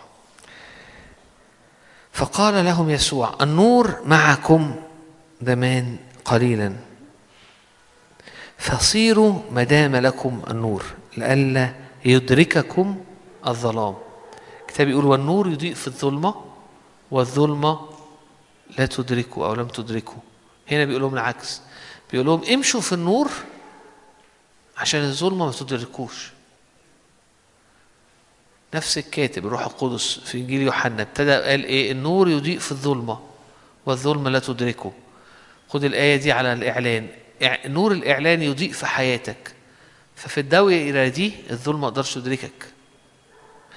امشي في النور ده لأنك لو ما مشيتش ومرنت نفسك وعشت على على على ضوء اللي رب أعلنه ليك كل يوم هيبتدي الظلام يدركك لئلا تدرككم الظلمة. أنا شايف إنها رسالة مشجعة. ليه؟ مشجعة في إيه؟ إنها بتقول لك إنه أي دايرة أنت حاسس إن لسه فيها ضلمه أو لسه الدنيا مش مظبوطة فيها أنت محتاج إعلان في الدايرة دي. انت محتاج كلمات الرب على على على مقاصده في الدوائر دي. انت انت لسه محتاج تطلب الرب في الحتة دي. وإنه دايما الرب عنده كلمة ودايما الرب عنده إعلان دايما الرب عنده نور. ولما بيشرق نوره بيطرد الظلمة. تمشي كل يوم في النور ده وتعيش حياتك بتدرب نفسك أو بتسلك بتدقيق في الدوائر دي. فلا يدركك ولا تدركك الظلمة. وقفت كده قدام الآيات بتاعت داوود دي وقعدت أبص. إيه كل إيه إيه ده؟ بعد كده ابتديت أقرأ حياة سليمان. وبعد كده أبص على حياة سليمان وأرجع لداوود. ابتديت أفكر هو هو لو كان داوود عنده إعلان مختلف كانت سليمان حياته بقت عاملة إزاي؟ يا ترى المملكة كانت هتبقى عاملة إزاي؟ يا ترى كان في حاجة هتتغير؟ يا ترى كان سليمان مثلا هيعيش أقوى في أوقات معينة فالمملكه هتختلف؟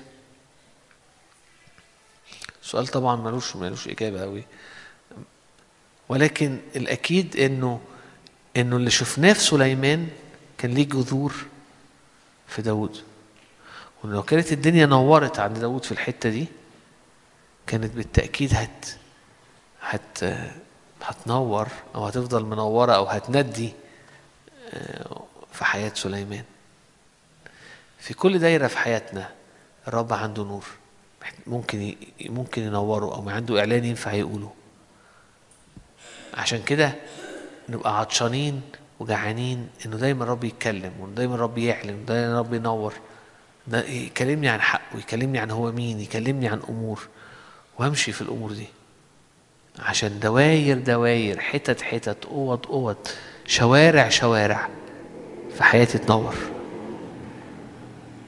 سيروا في النور لئلا يدرككم الظلام. آمنوا بالنور فتصيروا أبناء نور. أمين. الإيمان بيتكلم دايما عن إن الحاجة أنا اتقابلت معاها فبقت حاجة حقيقية قوي جوايا. بقت حاجة بقت جزء مني. فلما الإعلان يملاني يبقى جزء مني وأبقى بعيش بيه كل يوم بقى في جزء من طبيعتي.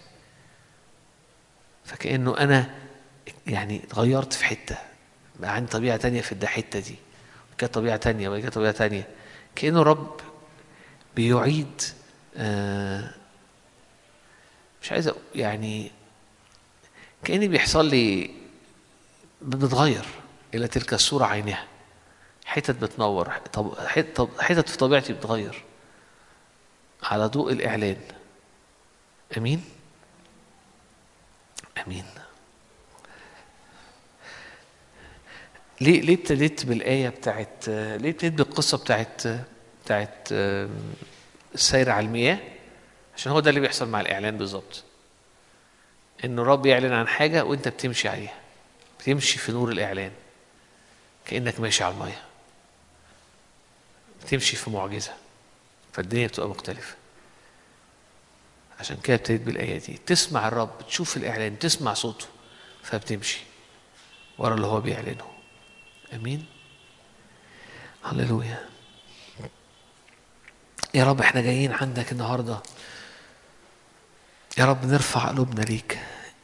يا رب بصلي لكل حد موجود النهارده. يا رب أنر بنور وجهك يا رب علينا. لأنه بنورك نرى نور. نفسي كل واحد موجود النهارده يرفع قلبه كده. يقول يا رب أنا بشكرك لأنه في المسيح ليا إني أستقبل منك. أستقبل منك يا رب أمور من السماء. مكتوب كده منذ الآن ترون السماء مفتوحة وملائكة الله صاعدة ونازلة على ابن الإنسان. اشكرك عشان في دايما نعمة نازلة وفي دايما إعلان نازل وفي دايما كلمة نازلة يا رب على حياتنا. ادينا يا رب أذان لنسمع وقلب ليفهم. هللويا. يا رب اصلي عشان كل دوائر حياتنا. يا رب في يا رب تبتدي تنور. أوضة أوضة شارع شارع حتة حتة. تستقبل إعلاناتك يا رب وأمورك. نور يا رب في حياتنا نور. يا رب دينا نعيش ونتحرك في على ضوء يا رب نورك. دينا نقبل النور. ادينا يا رب نستقبل النور ادينا نسلك في النور. باسم يسوع.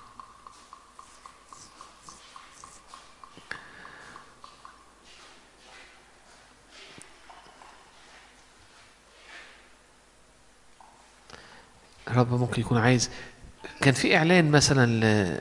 لإبراهيم أنا يهوى يرأى أنا يهوى يرأى. هو بيقدم ابنه أعلن الرب ليه وسمى المكان يهوى يرأى. الله اللي بيرى ويسدد الاحتياج. الله اللي بيرى ويسدد. ده كان إعلان لحي... كان. و... ومن اليوم ده عاش في ضوء مختلف وعاش في إعلان مختلف. وبسبب الإعلان ده أرسل الرب ابنه. لأنه كان يرى احتياج البشرية.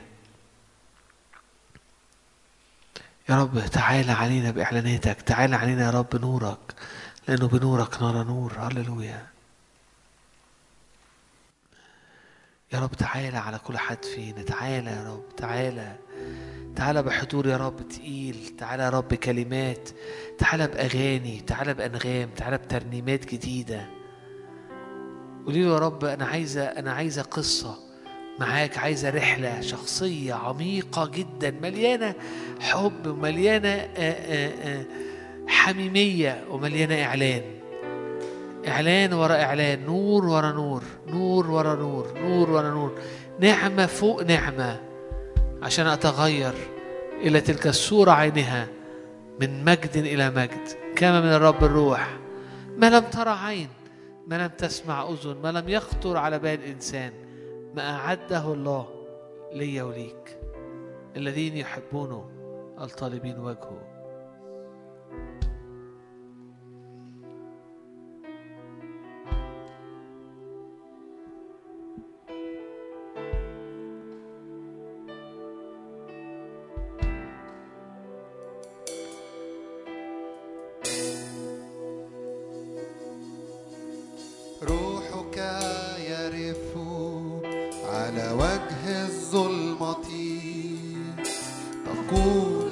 conosco.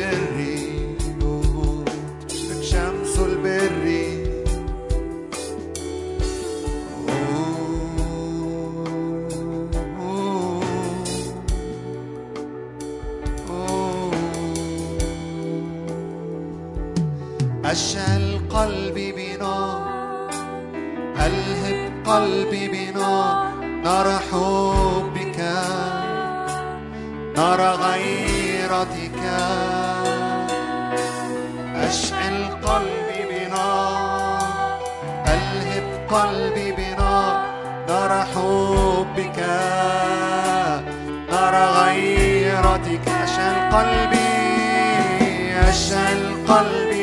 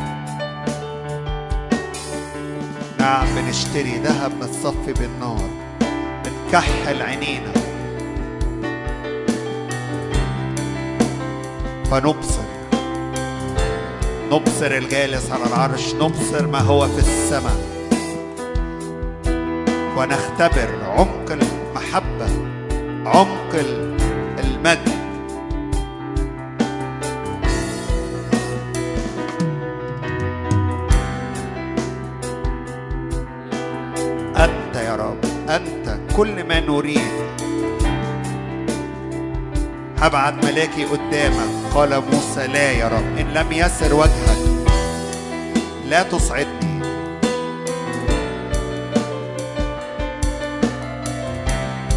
لا تصعدني. وجهك. وجها لوجه النار بتحرق. القشور اللي على العينين. استقبل استقبل. حضوره ناري. عمل روحه الناري بيحرق. الآن كل قشور.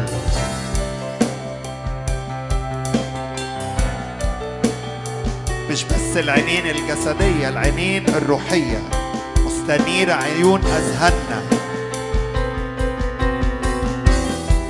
حضور الرب مش بس مشاعر أو حاجة تحسها في اجتماع. حضور الرب دي دي معية الرب. الذي يسير معي يسير أمامي ويمسك بيدي ويدفعني من الخلف إلى الأمام. معية الرب الروح القدس حضور الرب مش كلمة مش إحساس حقيقة.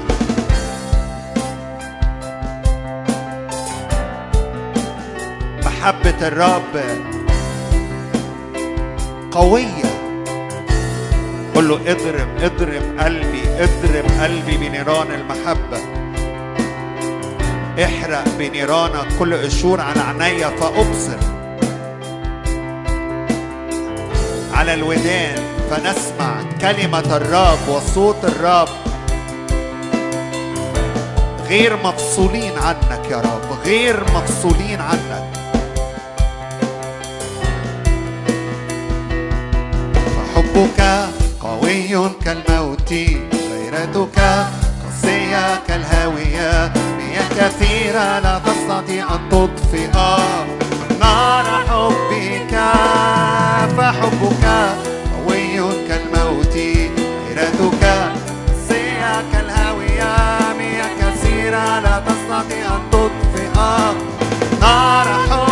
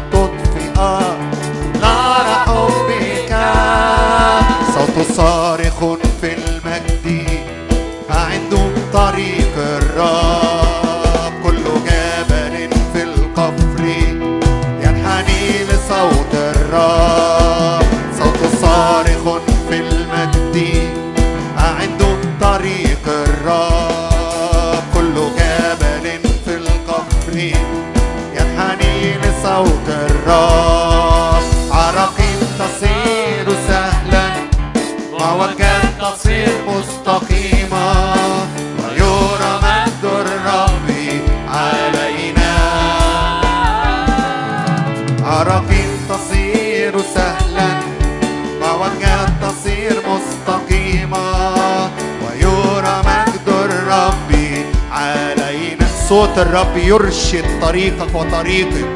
تصير سهلا مع وجهك تصير مستقى الرب عابر أمامي وأمامك.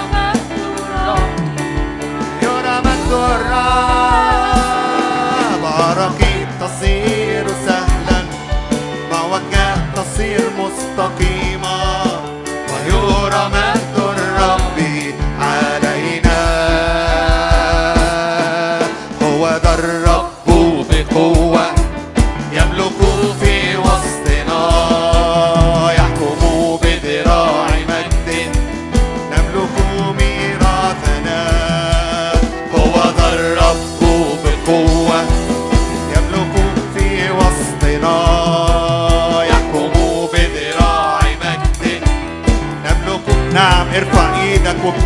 ميراثك هو ده الرب بقوة يملك في وسطنا يحكم بذراع قد أعطي لنا قد أعطي لنا فامتلك ميراثك هو ده الرب أعطي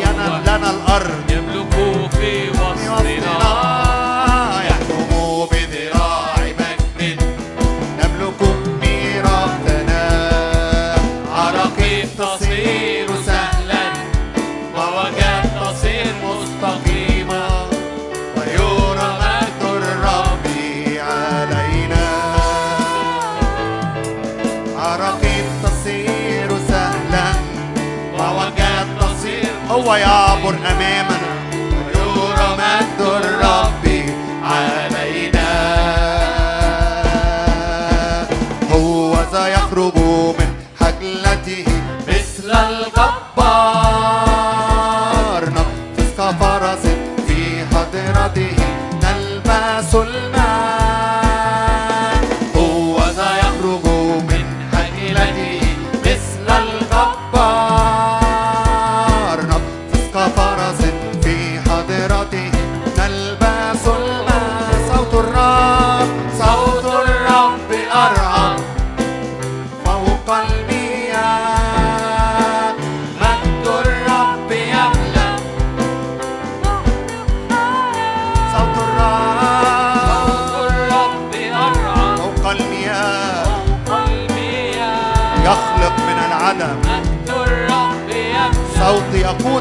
Maria.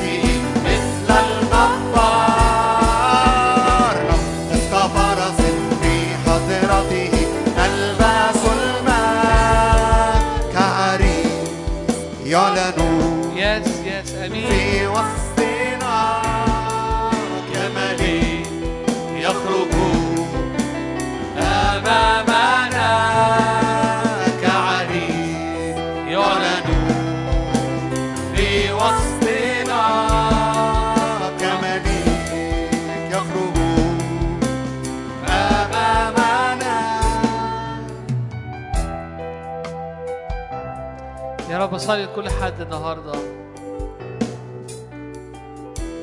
يا رب نشكرك لأنه أنت الإله الصانع العجائب وحدك.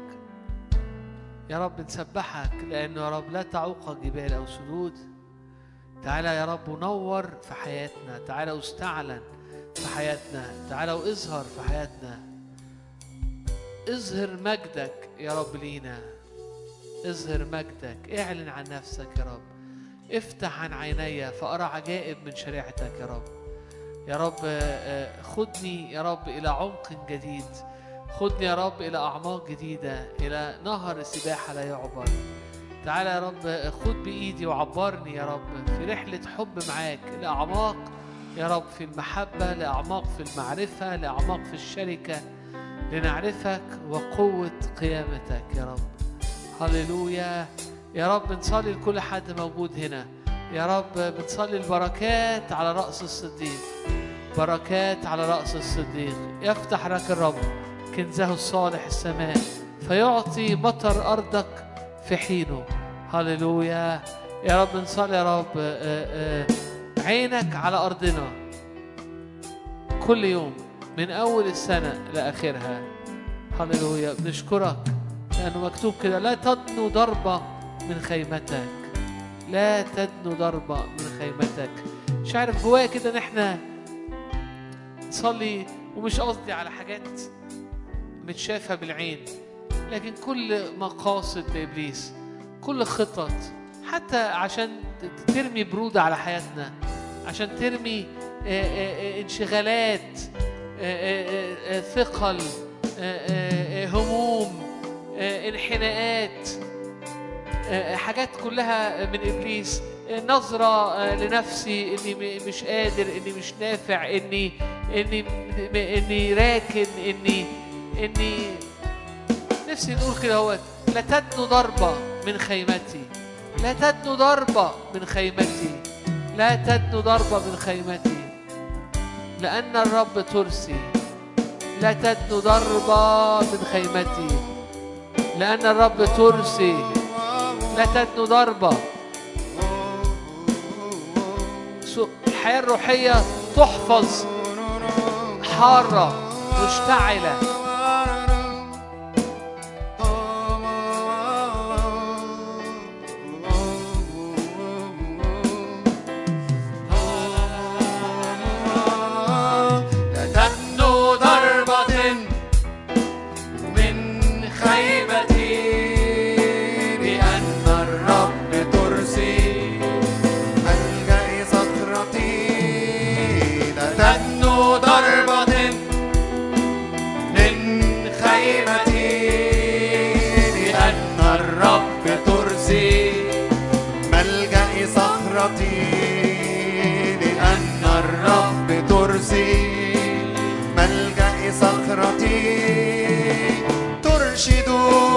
شعبك برأفتك بقوتك.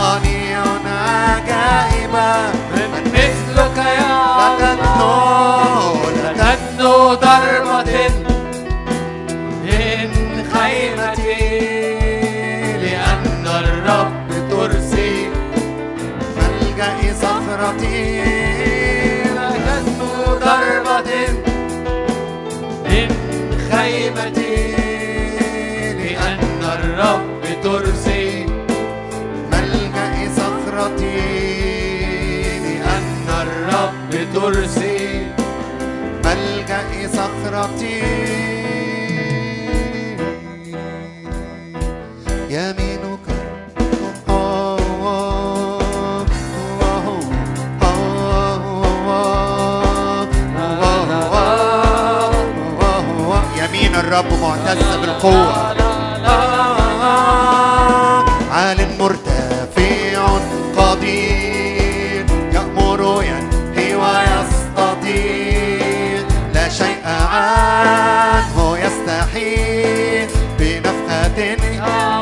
الرب معتز بالقوة أهل مرتة في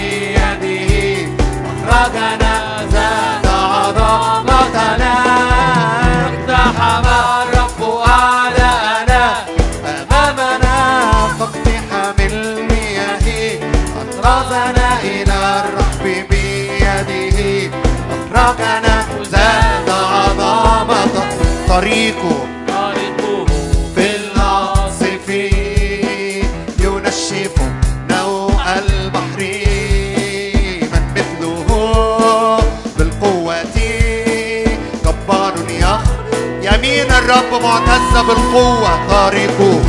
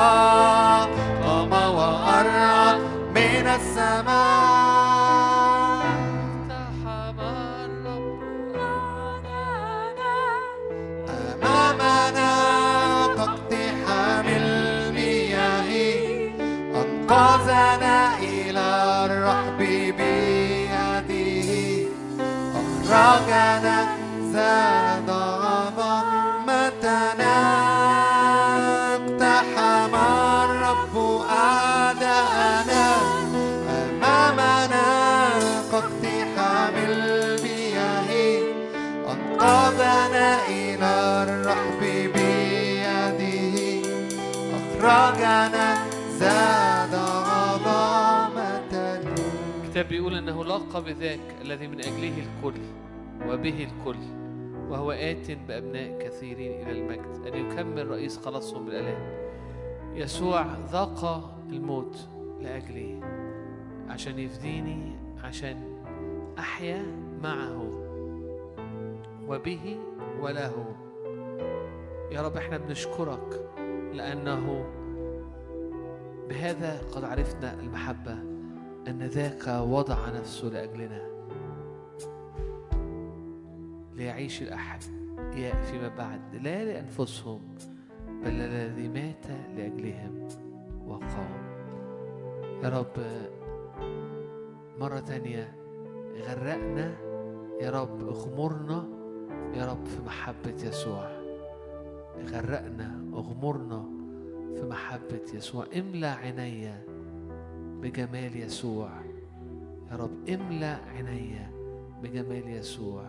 واملى خيالي بحب وجروح وعطاء يسوع عشان أشبع في كل حين منه. في اسم يسوع ربنا يديكوا أسبوع مليان نعمة مليان من حضوره مليان من نوره. ونشوفكم الأسبوع الجاي.